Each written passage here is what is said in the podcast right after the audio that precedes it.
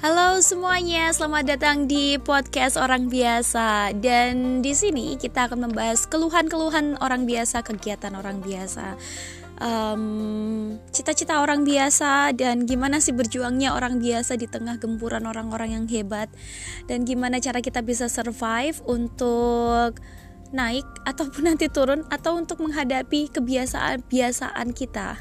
Nah, um, podcast ini harapannya sih nanti bisa um, bisa sampai pesannya bahwa kita semua atau teman-teman semuanya yang merasa biasa-biasa aja kalian gak sendiri dan Ai di sini setidaknya ada Ai yang menemani kalian untuk jadi selalu biasa-biasa aja.